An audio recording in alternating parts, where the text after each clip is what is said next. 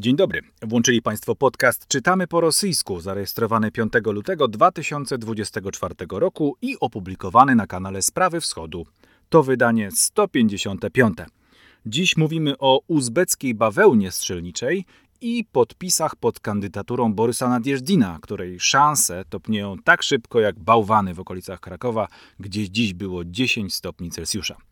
Wyjątkowo cztery głosy w naszym podcaście dzisiaj Magdalena Paciorek z notatką językową, Marcin Strzyżewski oraz mówiący te słowa Bartosz Gołąbek, ale usłyszą Państwo także głos pani Marii, napędzany siłą AI. Zapraszamy do słuchania.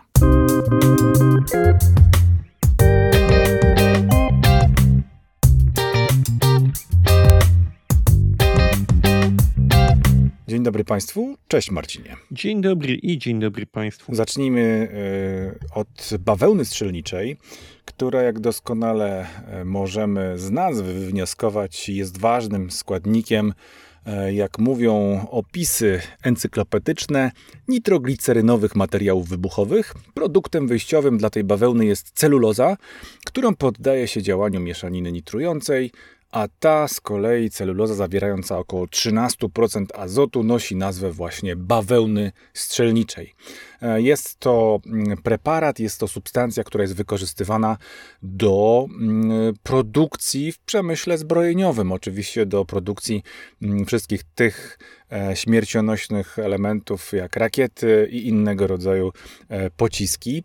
Jak wiemy, prowadząca wojnę Federacja Rosyjska bardzo potrzebuje tego materiału, cały czas go zużywa po prostu. I skąd on dociera do Federacji Rosyjskiej? Takie badanie, taką taką e, analizę przeprowadziła sekcja rosyjska BBC i w swoim tekście na temat uzbekskiej bawełny strzelniczej e, próbuje przedstawić e, nam tą sytuację mm, i dochodzi do bardzo ciekawych zresztą wniosków i odkryć w tej sprawie. Otóż rosyjscy producenci broni, e, obłożeni sankcjami, e, oczywiście muszą skądś czerpać ten surowiec i w sposób naturalny, w sposób tradycyjny, można by rzec, e, zbierają go od firm z Uzbekistanu. Mm, przy czym, co jest bardzo interesujące właśnie w tej sprawie, jedna z nich ma nawet swoje biuro w Warszawie. To jest jedno z odkryć mm, redaktorów sekcji rosyjskiej BBC właśnie. Timur Karpow, który już wiele lat obserwuje przemysł bawełniany Uzbekistanu twierdzi, że towar uzbecki jest e, słabej jakości zazwyczaj, e, ponieważ nie są dotrzymywane odpowiednie terminy w procesowaniu. Chodzi bowiem o to, że bawełnę należy zebrać e, do pierwszych opadów. Ponadto podczas zbiorów tego surowca na pola wychodzi w Uzbekistanie co roku prawie 2 miliona 2 miliony ludzi. Jest to, jeśli byśmy zaokrąglili, blisko 1 ósma ludności całego Uzbekistanu. Przy tak potężnym zatrudnieniu oczywiście można się domyśleć, że jak e, w wielu na pewno sytuacjach może dochodzić do nadużyć. E, tutaj w przy, przypadku Uzbekistanu no, dochodziło na pewno do stwierdzonych nadużyć w postaci zatrudniania choćby w sposób przymusowy e, ludzi do tych prac, a także dzieci. O tym jeszcze mm, za chwilkę dopowiem. E, oczywiście jest to bardzo dochodowy interes, a jak to zwykle bywa przy tego typu sytuacjach, na wszelkie sposoby takimi interesami próbuje mm, się zaopiekować, próbuje ją wziąć pod kontrolę mm, państwo. Tak też jest w przypadku Uzbekistanu właśnie.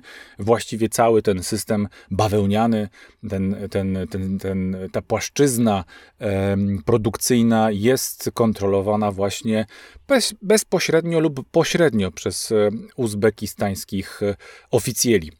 W 2020 roku mm, kazańska fabryka materiałów wybuchowych podpisała taką umowę, można by rzec, że ona jest umową z offsetem, e, gdzie Rosjanie zobowiązali się ustawić Uzbekom nawet całą linię produkcyjną e, do broni oczywiście, a ci w zamian mają dostarczać celulozę bawełnianą do Rosji. Ta celuloza bawełniana jest wykorzystywana do e, konstruowania amunicji czołgowej przede wszystkim. Mm, Uzbekistan, drodzy Państwo, to jest kraj w Azji Środkowej, który cierpi cały czas, jak wiele państw w tym regionie na e, bolączki związane z, e, no, ze swoją przeszłością, historią i tradycją. Silna korupcja zawsze tam funkcjonowała.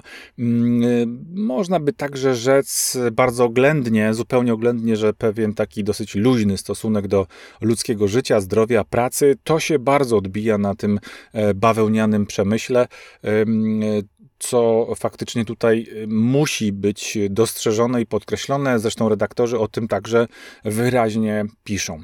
Co do kontroli nad częścią, przynajmniej częścią tego przemysłu celulozy bawełnianej, mm, jeśli chodzi o identyfikację konkretnych postaci, to pojawiają się tu takie nazwiska i imiona jak Rustam Muminow i Michał Głuchow. E, ich pośrednio z nimi związana firma Alliance Capital mm, pośrednio, jak twierdzą redaktorzy, oczywiście, bo powołujemy się na ustalenia redaktorów e, BBC rosyjskiego. Nie mówię, że to jest prawda, mówię, że to są ustalenia, które prowadzą redaktorów e, po tropie firmy Alliance Capital do Warszawy. Otóż e, ta firma powstała, czy też miała powstać w 2008 roku w Kopenhadze, w stolicy Danii, ale teraz ma swoje biuro w Warszawie.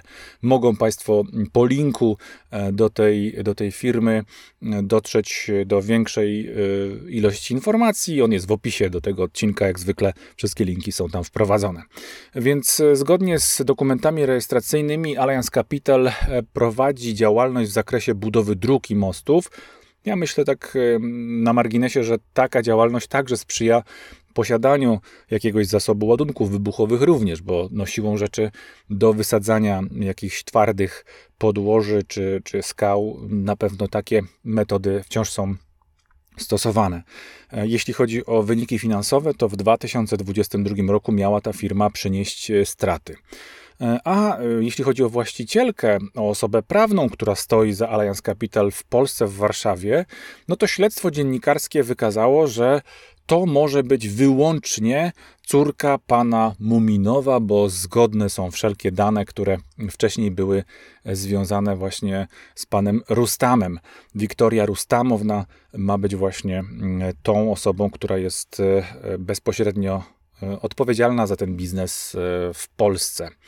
Analitycy twierdzą także, że właśnie przy tym zbiorze bawełny w Uzbekistanie wykorzystywana była przymusowa siła robocza, w tym także dzieci niestety. Niektóre firmy zachodnie już wcześniej mm, e, zaczęły to rozumieć taką niekorzystną wizerunkowo przynajmniej, ale także po prostu z punktu widzenia praw człowieka mm, sytuację i zaczęły odmawiać współpracy z Uzbekistanem, e, wycofywać się z kontraktów bawełnianych e, z państwem uzbekistańskim, tak naprawdę z państwem Uzbekistan i w rezultacie e, tego Adidas, Puma czy H&M po prostu przestały handlować z nimi, co w naturalny sposób stworzyło pewną lukę E, biznesową dla e, tego rynku i dla tego przemysłu uzbeckiego, stąd no pewnie siłą rzeczy. W pewnych zakresach jest on wpychany, chcąc nie chcąc, w gruncie rzeczy w ten właśnie biznes amunicyjny, w ten biznes zbrojeniowy. Nie chciałbym tutaj oczywiście tłumaczyć tych osób, które za tym stoją, no ale mm, świat jest oczywiście bardziej złożony niż nam się często wydaje. No a to biuro w Warszawie wydaje się być szokujące. Znaczy z jednej strony oczywiście byłoby to szokujące, ale z drugiej strony ma to tę zaletę, że w takim przypadku faktycznie świat zachodni mógłby w teorii mieć na ten proceder jakiś wpływ, który byłby dużo bardziej ograniczony, jeśli by ta cała operacja E, Polski nie dotykała. Oczywiście pytanie, czy nasze władze w jakiś sensowny, skuteczny, szybki sposób na to wszystko zareagują. Natomiast widzimy, że jest to problem globalny, daleko nie tylko uzbecki, daleko nie tylko polski. W ogóle swoją drogą to jest to do pewnego stopnia e, chichot historii, że te e, często wyśmiewane projekty z czasów jeszcze radzieckich, chruszczowowskich, by te bawełnę w, na terenach środkowoazjatyckich tak mm, intensywnie promować, że to przynosi e, takie no, wojenne korzyści obecnej Rosji. Mm, Chruszczow zresztą przez wielu niesłusznie jest uznawany za człowieka pochodzenia ukraińskiego, co się generalnie z faktami nie zgadza. Tutaj oddał do pewnego stopnia przysługę dzisiejszej rosyjskiej armii. Natomiast, tak jak mówię, no niestety jest to sytuacja wciąż w dużym stopniu powszechna, to znaczy na przykład taki Tajwan, który z jednej strony deklaruje mm, wsparcie dla świata zachodniego w kwestii ukraińskiej i dla samej Ukrainy, jednocześnie handluje z Rosją, sprzedając jej wiele, w tym krytycznie potrzebnych dla prowadzenia działań bojowych towarów. Nie tylko oczywiście Uzbekistan i Tajwan, tutaj możemy wymieniać wiele różnych firm, które czy to świadomie, czy nieświadomie wciąż Rosji pomagają.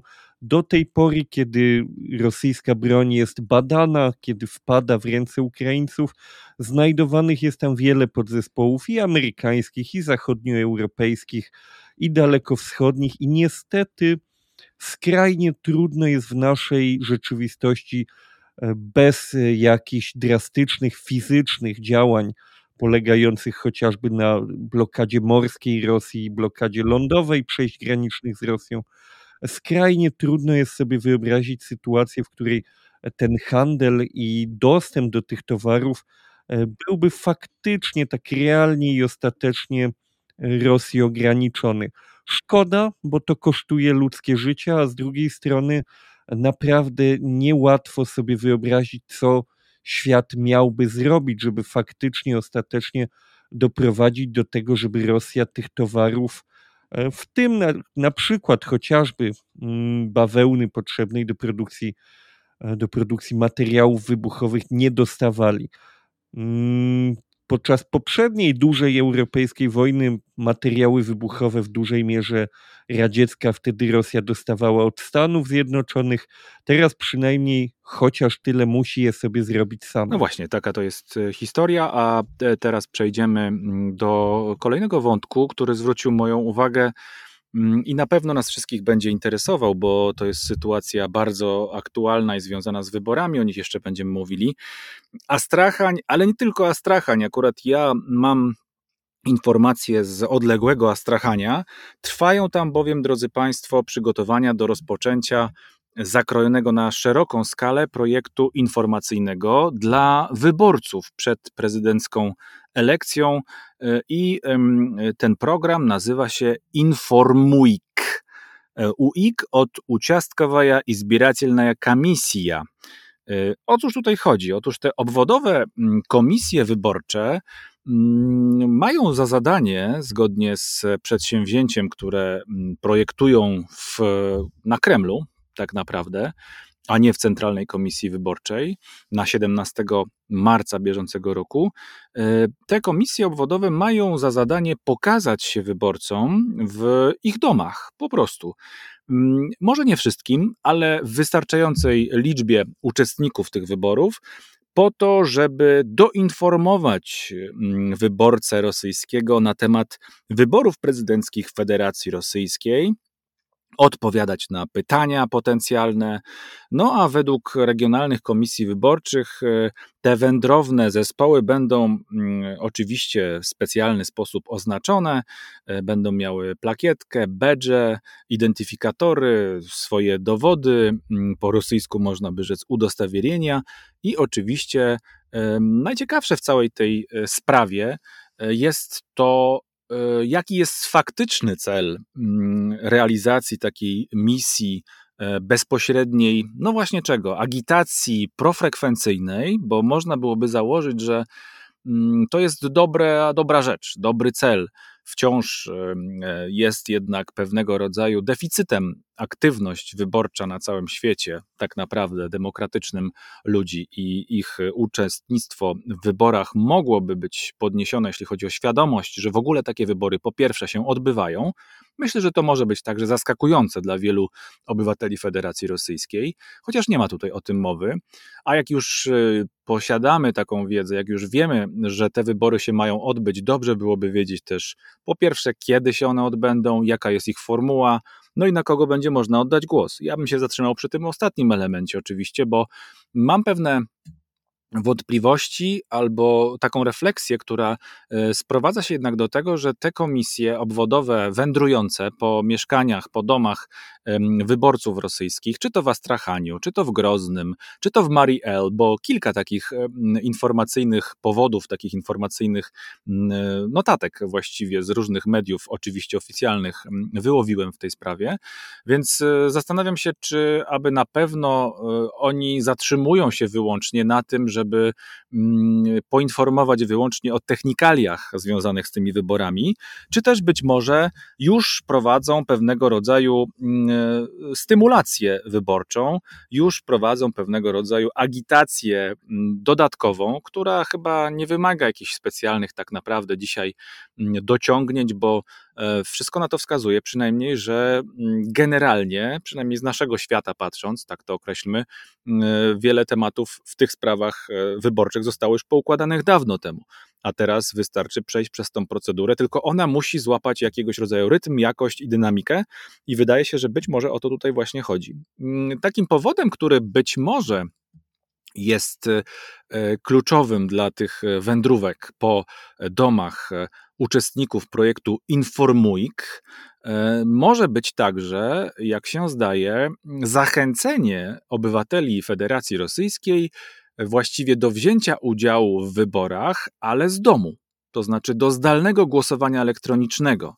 DEG, dystancyjne elektronne głosowanie, przypomnijmy to Państwu.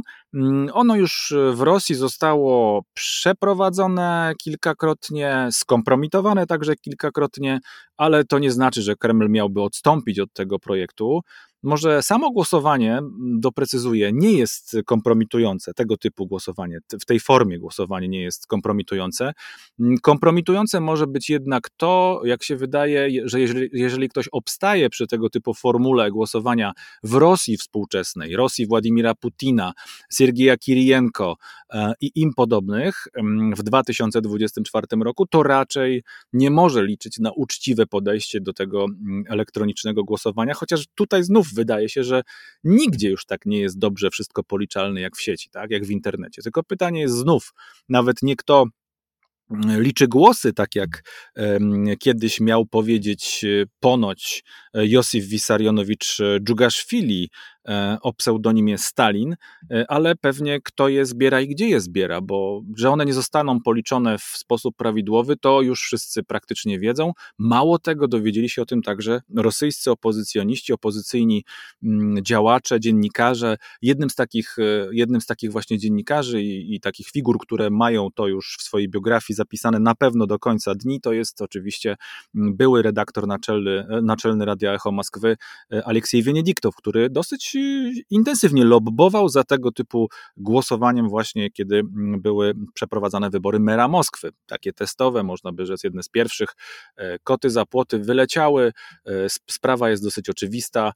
Nie ma tutaj ani przejrzystości w tym głosowaniu, ani precyzji w liczeniu tych głosów. Za to Informuik być może właśnie po to powstał, żeby przekonać nieprzekonanych, że to jest najwygodniejsza, najlepsza forma oddania głosu. 17 marca jeszcze może być chłodno, może być deszczowo. Po co? Warto się wcześniej zarejestrować do cyfrowego głosowania, oddać sobie spokojnie kliknięciem głos przez głos usługi i mieć to za sobą. Sprawy i tak będą przecież przez mądrych tego świata i wielkich tego świata dalej prowadzone. Jak e, twierdzi Eła Pamfiłowa, czyli szefowa Centralnej Rosyjskiej Centralnej Komisji Wyborczej, w tym trybie chce oddać swój głos na prezydenta Federacji Rosyjskiej już ponad 700 tysięcy Rosjan. Nie jest to dużo, przyznają Państwo, ale to są liczby, które już mogą e, poprzesuwane w różne miejsca właściwe e, miejsca, tak to określmy, zaważyć na wizerunku tych wyborów bardziej, wizerunku zwycięzców. E, mogą także w niektórych przypadkach oczyścić sumienia przygotowujących wybory przed szefem, E, którym tutaj niewątpliwie jest główny zainteresowany w zwycięstwie człowiek, ten, który miał jakoby zebrać 3 miliony głosów poparcia do swojej kandydatury jako samowydwiżeniec. Jeszcze to słowo dzisiaj padnie, drodzy Państwo. Mm, e, I e, czy to będzie skuteczne z, tej, z tego punktu widzenia, czy też nie, no to, to, to będziemy widzieli dopiero w pomarcowych wyborach. Tak czy owak, Informujk rozpoczął agitację profrekwencyjną, nawołującą do uczestnictwa w wybranych miejscach raczej powiedzielibyśmy peryferyjnych, przynajmniej te informacje, które ja zebrałem, one należałyby do tych peryferyjnych względem Moskwy, rzecz jasna, i zobaczymy, jakie przyniosą efekt. Tutaj faktycznie to nie jest pierwszy raz, kiedy słyszymy o tego typu namawianiu Rosjan do alternatywnych form wyborów. Przy czym dodajmy tutaj, że głosowanie online tak naprawdę nie musi oznaczać głosowania z domu. Zdarzały się na dotychczasowych wyborach takie przypadki, że człowiek przychodził do lokalu wyborczego i tam był prowadzony przez obsługę do ekranu i mu mówili, że zamiast tego papierowego, starożytnego, mm, no, tej kartki papieru takiej ogromnej do głosowania, może podejść do ekranu i po prostu tam oddać swój głos na tym ekranie, co jest liczone wtedy jako właśnie taki głos elektroniczny, co podejrzewam dla wielu mniej świadomych Rosjan wydawało się po prostu zwyczajnym przejawem nowoczesności, chociaż oczywiście trudno mi jednoznacznie powiedzieć, czy są ludzie jeszcze w Rosji, którzy naprawdę wierzą w to, że jest tam taka zwykła demokracja. Mam wrażenie, że są już tam albo ludzie rozczarowani, w Putinie albo ludzie rozczarowani w demokracji, którzy zupełnie świadomie uważają, że dyktatura jest y, tym najlepszym stanem, w jakim Rosja się powinna znajdować. Natomiast jeszcze właśnie przy okazji tego typu przedwyborczych y, sytuacji spotkałem się z doniesieniami o tym, że Rosjanie są namawiani mm, właśnie do tego, by głosować papierowo z domów, by zgłaszać się do tego, żeby e, pracownicy komisji wyborczych przychodzili do nich po prostu e, jak na wizytę domową lekarz przychodzi do obłożnie chorych pacjentów. Taka instytucja oczywiście była przede wszystkim związana, e, taka możliwość w Rosji była związana z istnieniem osób starszych, osób niepełnosprawnych i to jest w gruncie rzeczy ciekawa idea, w tym sensie, że faktycznie, jeśli ktoś chce wziąć udział w życiu politycznym kraju, a ma 80 lat i jest po prostu zwyczajnie zmęczony życiem, no to ktoś może przyjść do niego, umożliwić mu to głosowanie. Brzmi szlachetnie, ale jak donoszą ludzie, którzy się zajmowali wyborami z Rosji z punktu widzenia opozycji, tego typu przypadki po prostu zdarzało się że kończyły się no, w taki sposób łatwy do przewidzenia, to znaczy w taki, że wychodziła komisja do jednej babci, a wracała z całym plikiem tych, e, jak to mówią w Rosji, biuletynów, czyli po prostu kart do głosowania. Co oczywiście no nie jest, jakbyśmy to ujęli, uczciwą praktyką, ale tego typu nieczyste zagrania na wyborach prezydenta Rosji, e, jednego prezydenta, bo przecież oni mają tam tylko jednego prezydenta i więcej się nie pojawi, to nie jest nic, co by nas szczególnie e, zaskakiwało. Więc tu faktycznie można zauważyć, że ta ich, te ich oszustwa wyborcze są w dużym stopniu, byśmy powiedzieli, chytre, bo nie jest to takie prymitywne podejście, tak jak powiedzmy Łukaszenka w 2022, 2020, y, który po prostu zorganizował wybory, ludzie oddali głosy, zebrali głosy, na tych kartach do głosowania były odpowiednie, e, odpowiednie zakreślone pozycje, najczęściej ze Swietlaną Tichanowską, a Łukaszenka po prostu powiedział: Wygrałem ja, koniec. Rosja pod tym względem dużo mm, subtelniej, jak się wydaje, działa, bardzo często poprzez metodę dorzucania do urn e, kart do głosowania, które zostały spreparowane, ale jednak te karty gdzieś tam po drodze były.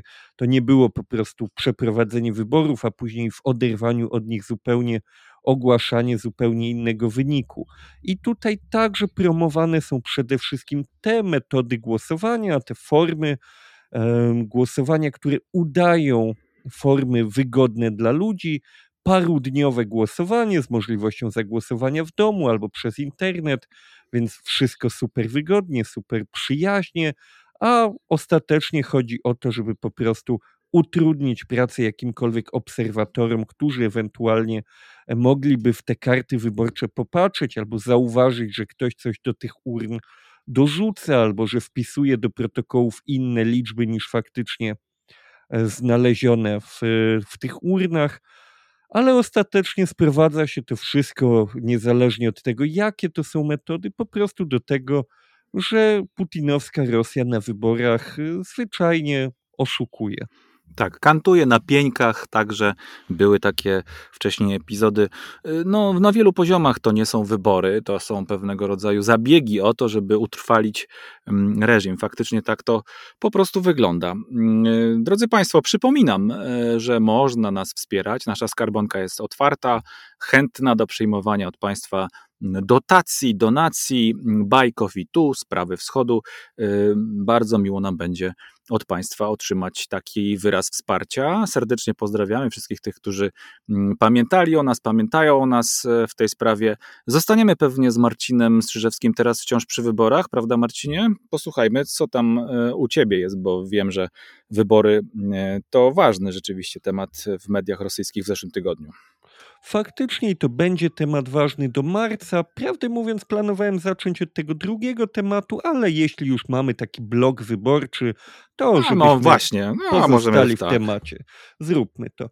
E, faktycznie, proszę Państwa, nie tak dawno, kilka dni temu, Boris Nadjeżdin, jedyny w zasadzie kandydat y, antywojenny. Nie będę go nazywał w pełni demokratycznym, już na pewno nie nazwę go antysystemowym, bo to już byłoby trochę dużo powiedziane. Nie w pełni liberalny, choć jak na rosyjskie warunki chyba można tu nawet byłoby użyć takiego słowa, ale na pewno antywojenny, choć też nie aż tak, jakbyśmy tego sobie życzyli. To nie jest człowiek, który mówi po prostu zakończę wojnę, wypłacę Ukrainie reparacje, a ich ziemie w granicach uznawanych międzynarodowe, narodowo są ich i koniec. No nie aż tak, ale zapowiada koniec wojny, jak tylko e, jakiś kaprys losu by sprawił, żeby wygrał te wybory, to zapowiada, że w pierwszej kolejności przerwie działania bojowe, zdemobilizuje rosyjskich żołnierzy. I ten kandydat, na którego się rzucili ludzie podpisywać w jego imieniu, podpisywać na listach, co miało mu zapewnić możliwość kandydowania, ten kandydat faktycznie dostarczył do Centralnej Komisji Wyborczej swoje e, zebrane podpisy. W prawodawstwie e, rosyjskim to wygląda w ten sposób, że taki kandydat kandydujący od partii nieparlamentarnej musi zebrać tych, e, tych głosów, tych podpisów 100 tysięcy, ale może złożyć na wszelki wypadek 105 tysięcy. Te 5 tysięcy to jest taki zapas, jakby mm, komisja wyborcza zakwestionowała część tych głosów. I faktycznie mm, oni złożyli i dowiedzieliśmy się najpierw, że pojawiły się tam jakieś problemy, jakieś tak zwane martwe dusze. E, przedstawiciel mm, przedstawiciel Centralnej Komisji Wyborczej poinformował, że i wśród, wśród podpisów za Barisa Nadjeżdina i Siergieja Malinkowicza z Partii Komunistów Rosji, że mają zaskakujące błędy wśród tych podpisów. Bułajew powiedział, w przypadku nieścisłości w pisowni Centralna Komisja Wyborcza uważa, że jest to dopuszczalne, kiedy jednak widzimy dziesiątki osób, których już nie ma na tym świecie, a których podpisy zostały do nas zło złożone, pojawia się pytanie o rzetelność standardów etycznych, którymi się posługują także zbieracze podpisów, a w pewnym stopniu i kandydat, i pytanie, w jakim stopniu jest bezpośrednio zaangażowany.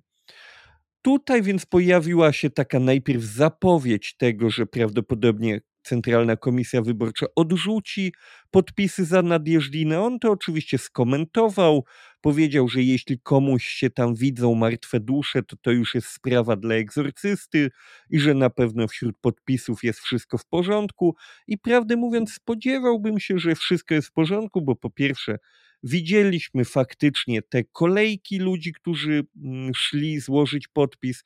Po drugie, wiemy, że Boris Nadjeżdżin zebrał nadprogramowo dodatkowe 100 tysięcy podpisów, nie licząc już podpisów y, na przykład w Moskwie, które były zbyt liczne, żeby się mogły liczyć w ogóle i te zebrane mm, podpisy w Moskwie mogłyby być jeszcze liczniejsze, gdyby po prostu y, oni nie przerwali zbierania tych podpisów, bo w momencie, w którym wyczerpali limit e, na konkretne regiony, no to przestawali je przyjmować w pewnym momencie, e, żeby też ludzi mm, na, nadaremnie nie męczyć. Ale z tych około 200 tysięcy podpisów, które oni zebrali, zapowiadali, że wybiorą te budzące najmniej wątpliwości, żeby złożyć tylko takie podpisy, które absolutnie nie będą budziły żadnych złych skojarzeń, żadnych e, możliwości podważenia ich ze względu na na przykład nieczytelność podpisu, czy jakieś podejrzane dane przy tym podpisie. No ale zgodnie z zapowiedziami, tak jak Centralna Komisja Wyborcza stwierdziła, że nie do końca im się te podpisy podobają, tak ogłosili, że ponad 15% y, podpisów za Barisa Nadjeżdina jest niewłaściwych. 9209 niewłaściwych podpisów oni tutaj znaleźli. I tu znowu zaczyna się skomplikowana matematyka, bo to nie znaczy, że tych 9209 podpisów to jest wszystko, do czego oni się mogliby przyczepić.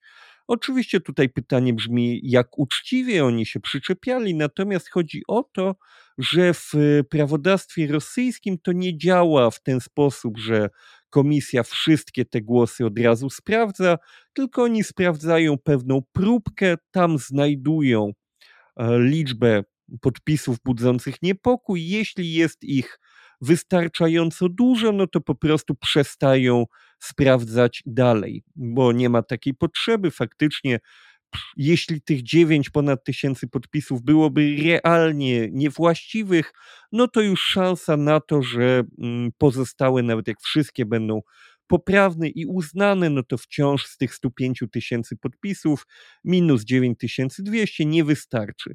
Więc teraz Boris Nadjeżdin ma prawo te podpisy próbować ratować, to znaczy może tutaj próbować komisji udowadniać, że one jednak są poprawne i jeśli uda mu się ta procedura w przypadku 4500 podpisów, to komisja zacznie sprawdzać pozostałe i być może się będzie czepiać, a być może nie.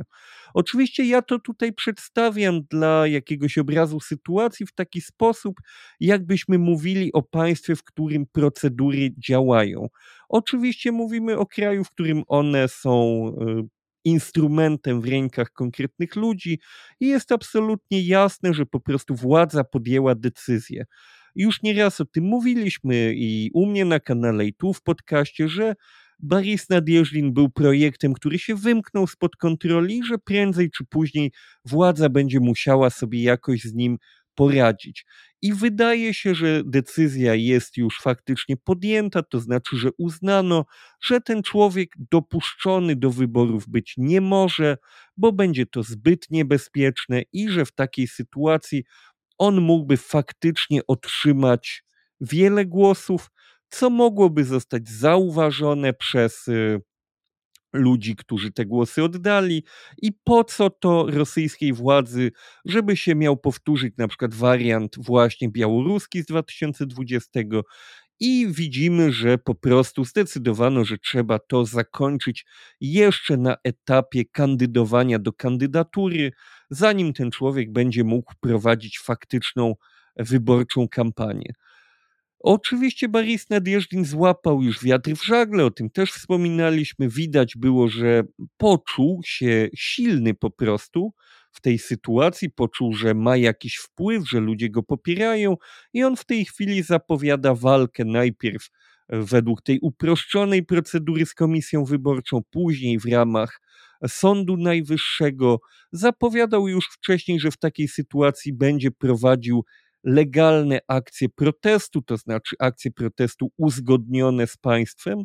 Tu oczywiście jest to odrobinę naiwne, choć bardzo możliwe, że ten człowiek zdaje sobie z tego sprawę, tylko po prostu stara się nie mówić rzeczy niewłaściwych, żeby dłużej pozostawać na wolności, bo naiwne to jest dlatego, że po prostu szansa na to, że takie akcje protestacyjne zostaną przez władze miejskie w jakichś konkretnych punktach Rosji e, uzgodnione i że się władze Rosji zgodzą na takie protesty, no to jest ulotna szansa, raczej nie możemy się tego spodziewać. Natomiast biorąc pod uwagę, że ponad 200 tysięcy osób w Rosji mm, i Rosjan poza Rosją, bo takie osoby też oddawały te głosy, że tacy ludzie podawali swoje dane personalne na listach e, za tego kandydata, to mogą się znaleźć ludzie, którzy odważą się wyjść na akcje protestacyjne, e, zjednoczeni wokół Nadjeżdżina, bo tutaj ciężko mówić, żeby to byli jacyś fani tego człowieka, jacyś jego wyborcy, zwolennicy, po prostu ludzie skupieni wokół niego jako nośnika idei antywojennych. Czy to faktycznie doprowadzi do jakichś niepokoi społecznych, czy oni się w jakimś momencie połączą z na przykład matkami i żonami mobilizowanych, które ostatnio były aresztowane w Moskwie e, na sobotnim mitingu pod ścianami Kremla, e, co jest pewną nowością. Wcześniej e, tak się wobec nich nie zachowywano, a teraz władze postanowiły pójść trochę dalej w tym temacie. Czy gdzieś tutaj zawiąże się jakiś dalszy polityczny ruch wokół właśnie antywojennych e, idei e, symbolizowanych przez Nadjeżdżina, ale nie tylko przez niego? Zobaczymy. Jest to w pewnym stopniu wątpliwe, bo do tej pory mm, nie widzieliśmy masowych antywojennych protestów. To jednak jest zbyt silnie zastraszone społeczeństwo, ale z drugiej strony wybory to jest w każdym reżimie autorytarnym moment, w którym ryzyko takich przesileń politycznych wzrasta zauważalnie. To jest bardzo ciekawe, bo w rosyjskich wyborach, słuchaj, i drodzy Państwo na pewno to rozumieją, też e, startuje się po to przy prezydencie Putinie, nie po to, żeby wygrać, ale żeby zagrać. I Borys Nadjeżdżin wydaje się, że chyba zaczął e, budować e, wokół siebie tę atmosferę e, jednak nową zupełnie i kierunku, który mógłby go doprowadzić do zwycięstwa. Słuchaj, tak przy okazji ostatnio zacząłem się zgłębiać i drodzy Państwo może to docenią. Mm, zaprosiłem do współpracy mm, zupełnie nie, nie, nie sztuczną, ale bystrą inteligentkę, panią Marię, która przeczyta Państwu teraz wiadomości z przyszłości. Marcinie, tobie też. Zobaczymy, jakby to było i zastanawiałem się sam, patrz końca, co by to się wydarzyło, gdyby tak na przykład brzmiały wiadomości z Rosji? Posłuchajmy wspólnie. Wiadomości z Rosji.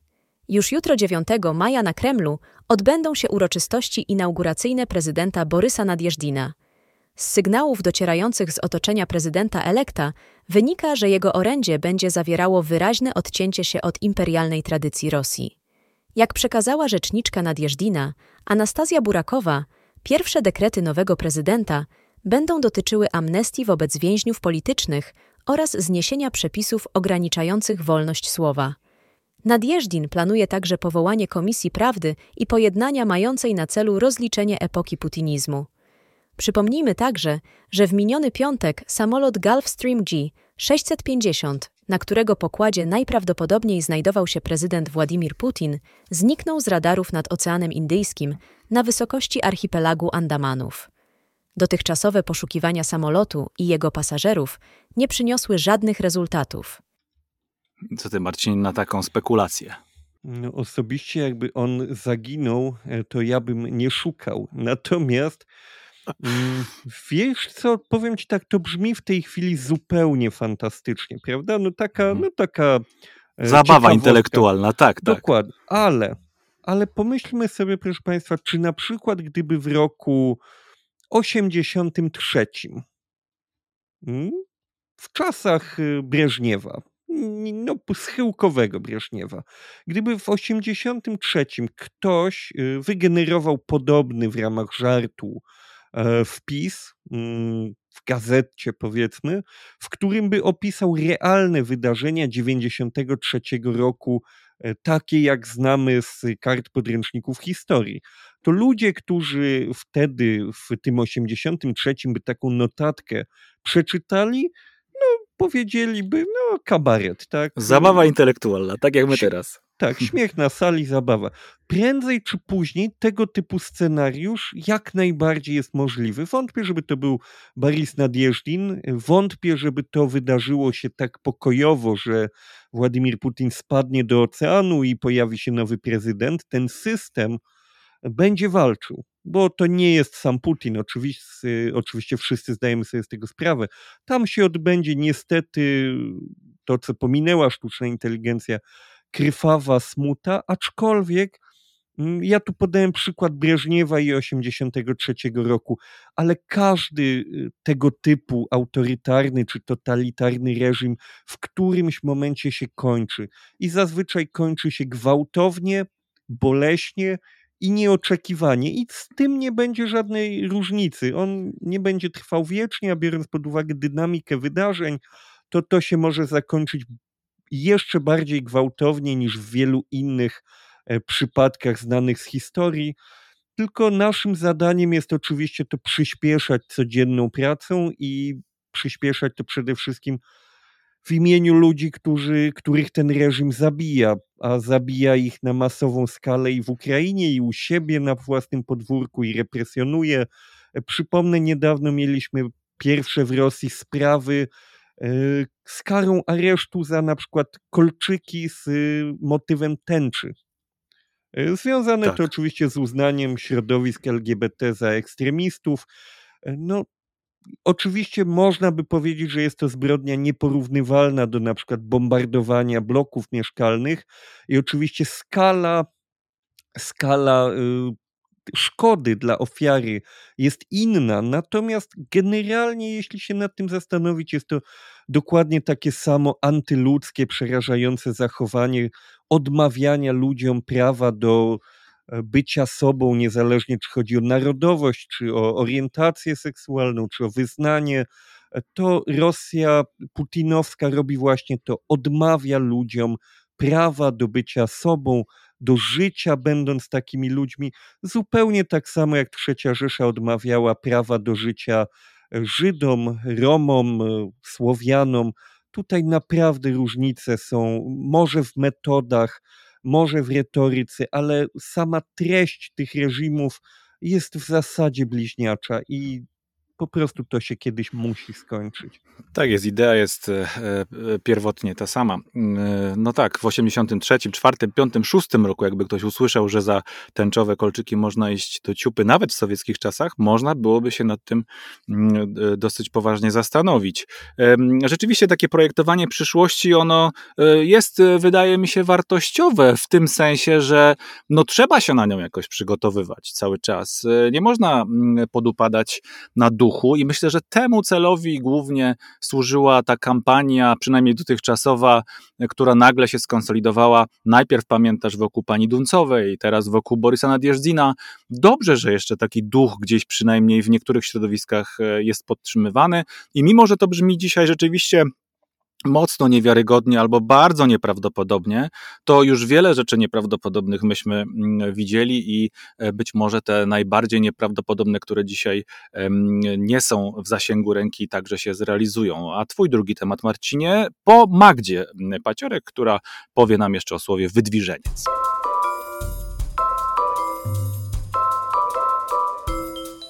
Tym razem przyglądniemy się słowom wydwiżeniec i самовыдвиженец. Pojawiają się one w takim kontekście. Пока Центр избирком зарегистрировал четыре кандидатов.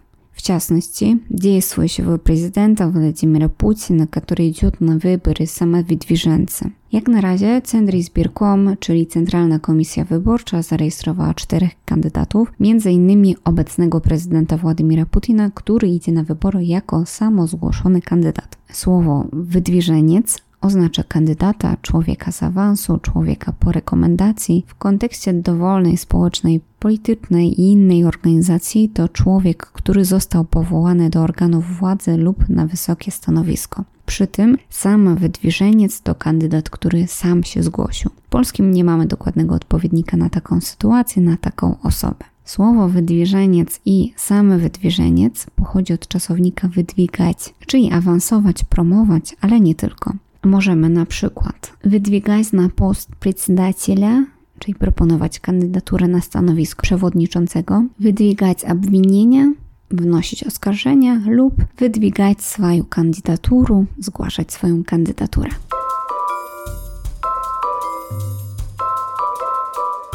Także po wydwiżeńcu, samowydwiżeńcu e, mamy e, jeszcze jeden temat od redaktora Strzyżewskiego.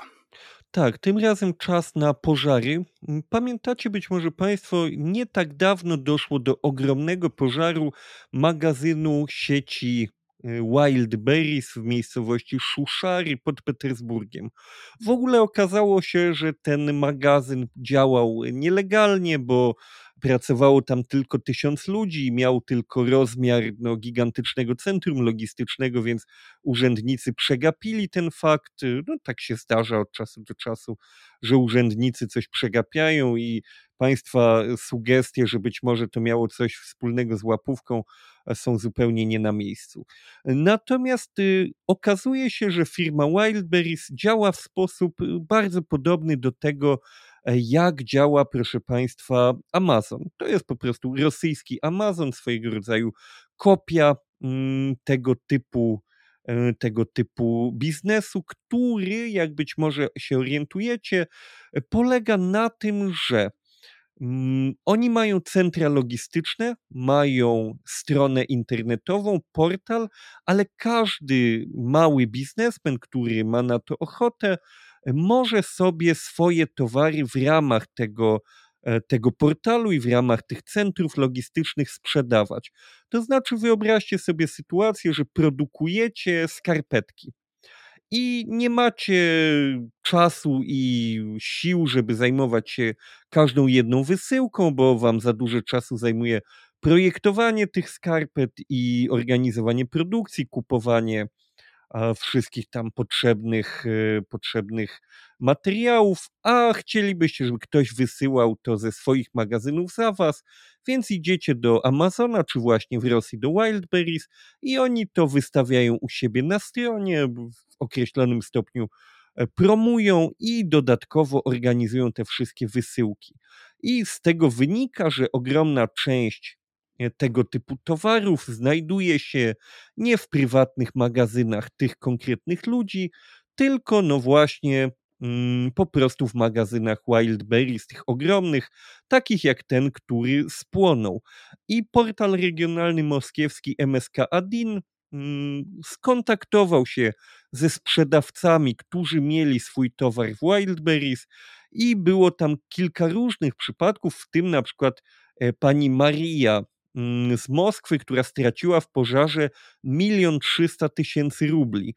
To nie są oczywiście tak wielkie kwoty, jakbyśmy mówili o na przykład milionie złotych, to jest bliżej tam 65 tysięcy złotych, ale wciąż dla drobnej pani biznesmen z Rosji, która produkowała własne ubrania, są to kwoty gigantyczne. Milion trzysta tysięcy rubli, no to jest, y, nawet jeśli zarabiamy bardzo dobrze, to jest roczny zarobek Rosjanina, który w Moskwie zarabia dobre pieniądze, a na prowincji to już w ogóle jest, można kupić wieś z chłopami za tyle. I problem polega na tym nie tylko, że ci ludzie stracili te towary, ale problem polega na tym, że Wildberries y, albo nie wypłaca, tak jak w przypadku pani Marii, tych pieniędzy w ogóle, ona po prostu nie dostała jeszcze nic, albo zdarza się, tak jak w przypadku kilku innych osób, które się wypowiadają tutaj, że na przykład w ramach rekompensaty za stratę towaru o wartości miliona osiemset tysięcy rubli, inna kobieta, biznesmenka dostała rubli 30 tysięcy i czeka, co będzie dalej, czy dostanie więcej. Jest tutaj pewien schemat, ludzie, którzy mieli bardzo mało towaru, jedną sztukę, kilka sztuk, dostają wszyscy po 500 rubli i święty spokój. To jest jakieś 25 zł i jak twierdzą ci ludzie, zupełnie to nie wystarcza na pokrycie ich strat, a mówimy tutaj o mrożeniu kapitału w przypadku tych większych sprzedawców, jeśli komuś utknie taki milion y, rubli gdzieś y, w taki sposób i ich po prostu nie ma ani w towarze, ani w, ani w żadnej innej formie, to ich biznes w zasadzie no, zamiera. bo trzeba włożyć kolejne pieniądze w kolejny towar, żeby dalej handlować, żeby zarabiać, żeby mieć na po prostu chleb. Problem polega na tym, że Wildberries, jak się dowiadujemy z tego artykułu, jest firmą znaną z tego, że jego wszelkiego rodzaju raporty dla użytkowników są po prostu często no, niestabilne. Często się zmieniają, ludzie zapisują sobie dane, później się rozliczają z lokalnym fiskusem. Okazuje się, że te dane są już zupełnie inne i zdarzają się wręcz przypadki, że ludzie, którzy mieli towar w tym konkretnym magazynie, który spłonął, że się dowiadują, że tego towaru było tam mniej niż oni Mm, sądzili i niż mieli w raportach, albo że być może w ogóle go nie mieli, się obawiają, że tak im w którymś momencie powiedzą, bo zdarzały się tutaj, czytamy chociażby przypadki, że komuś z konta rozliczeniowego w e, rzeczonym Wildberries zniknęło kilkaset tysięcy rubli i w odpowiedzi tacy ludzie dowiadywali się, że no kiedyś było tego naliczone wam za dużo kilka lat temu, no to teraz sobie to Wildberries odbiera i nie mamy pana, e, nie mamy pana kurtki czy płaszcza i co nam pan zrobisz. Dosłownie jak w starym polskim filmie. E, sytuacja trudna faktycznie dla tych ludzi, ale tutaj też bym zadał sobie e, proste pytanie, czy przypadkiem to nie jest tak, że skoro ta, mm, skoro ta firma, ten magazyn istniał, istniał tam bez wymaganych e, dokumentów, związanych po prostu z nadzorem budowlanym, z takimi tradycyjnymi korupcjogennymi kwestiami w Rosji, które zazwyczaj szwankują w tym kraju.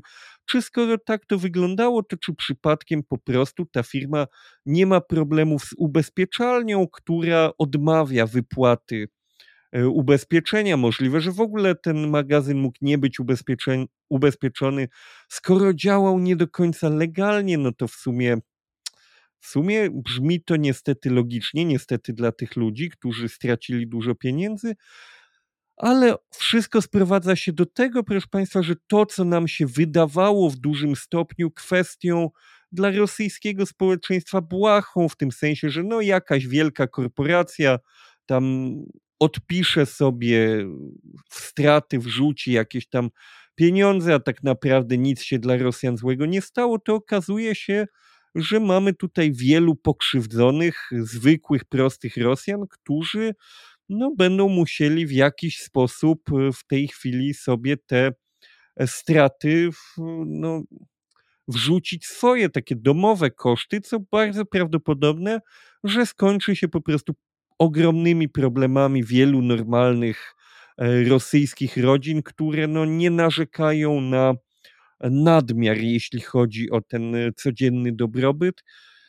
A tego typu pożarów, przypomnę, w Rosji obecnie obserwujemy sporo. To był jeden z głośniejszych, bo był faktycznie na materiałach wideo bardzo spektakularny. Natomiast y, według y, według doniesień takich statystycznych, opowiadających nam o tym, co działo się w zeszłym roku.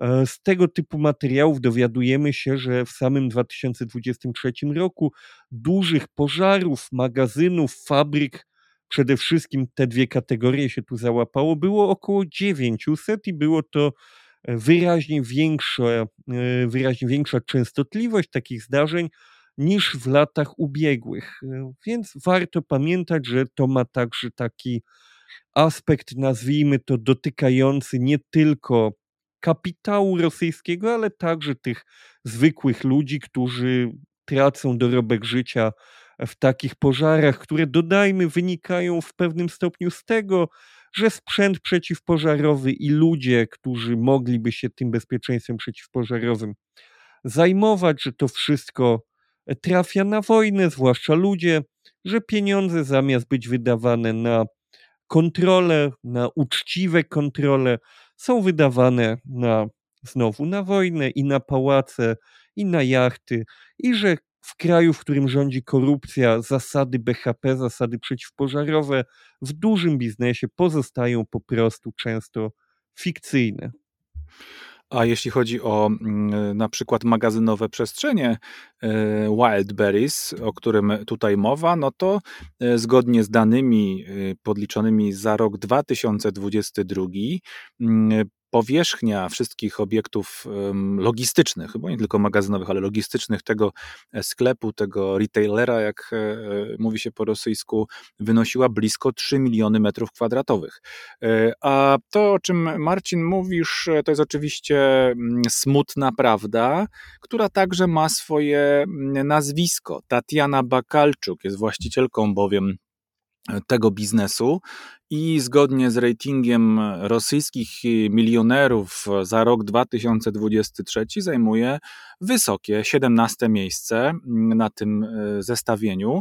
I jest e, pierwszą kobietą, która jak idziemy od miejsca pierwszego na wykazie zajmuje właśnie taką wysoką e, pozycję. Jakiś czas temu ona zdetronizowała byłą żonę e, mera Moskwy Łuszkowa.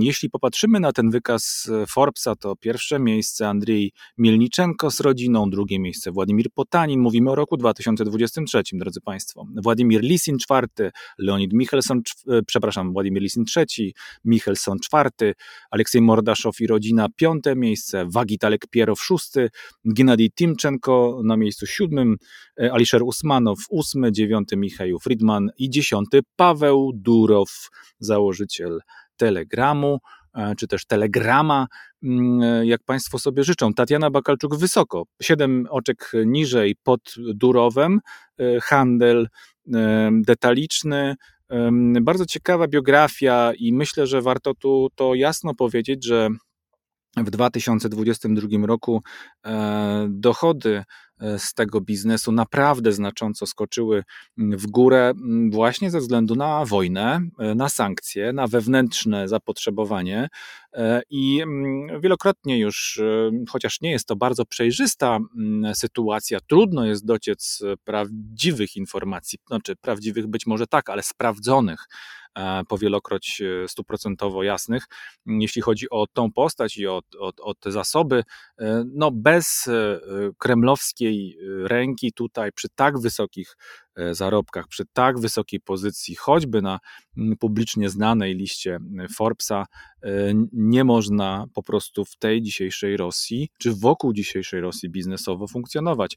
No a ludzie, ludzie tak jak Marcin e, powiedziałeś, ci, którzy próbują jakoś żyć, próbują jakoś cieszyć się ze swojego choćby chwilowego szczęścia, e, dobrego zakupu, no muszą e, gryźć ten, ten żwir i popiół z pożarów, o których powiedziałeś, mm, to oczywiście metaforycznie, ale mimo wszystko, no wiadomo, że ta sprawa jeszcze mm, być może kiedyś w jakiejś Rosji świetlonej przyszłości także E, znajdzie swoje e, rozstrzygnięcie.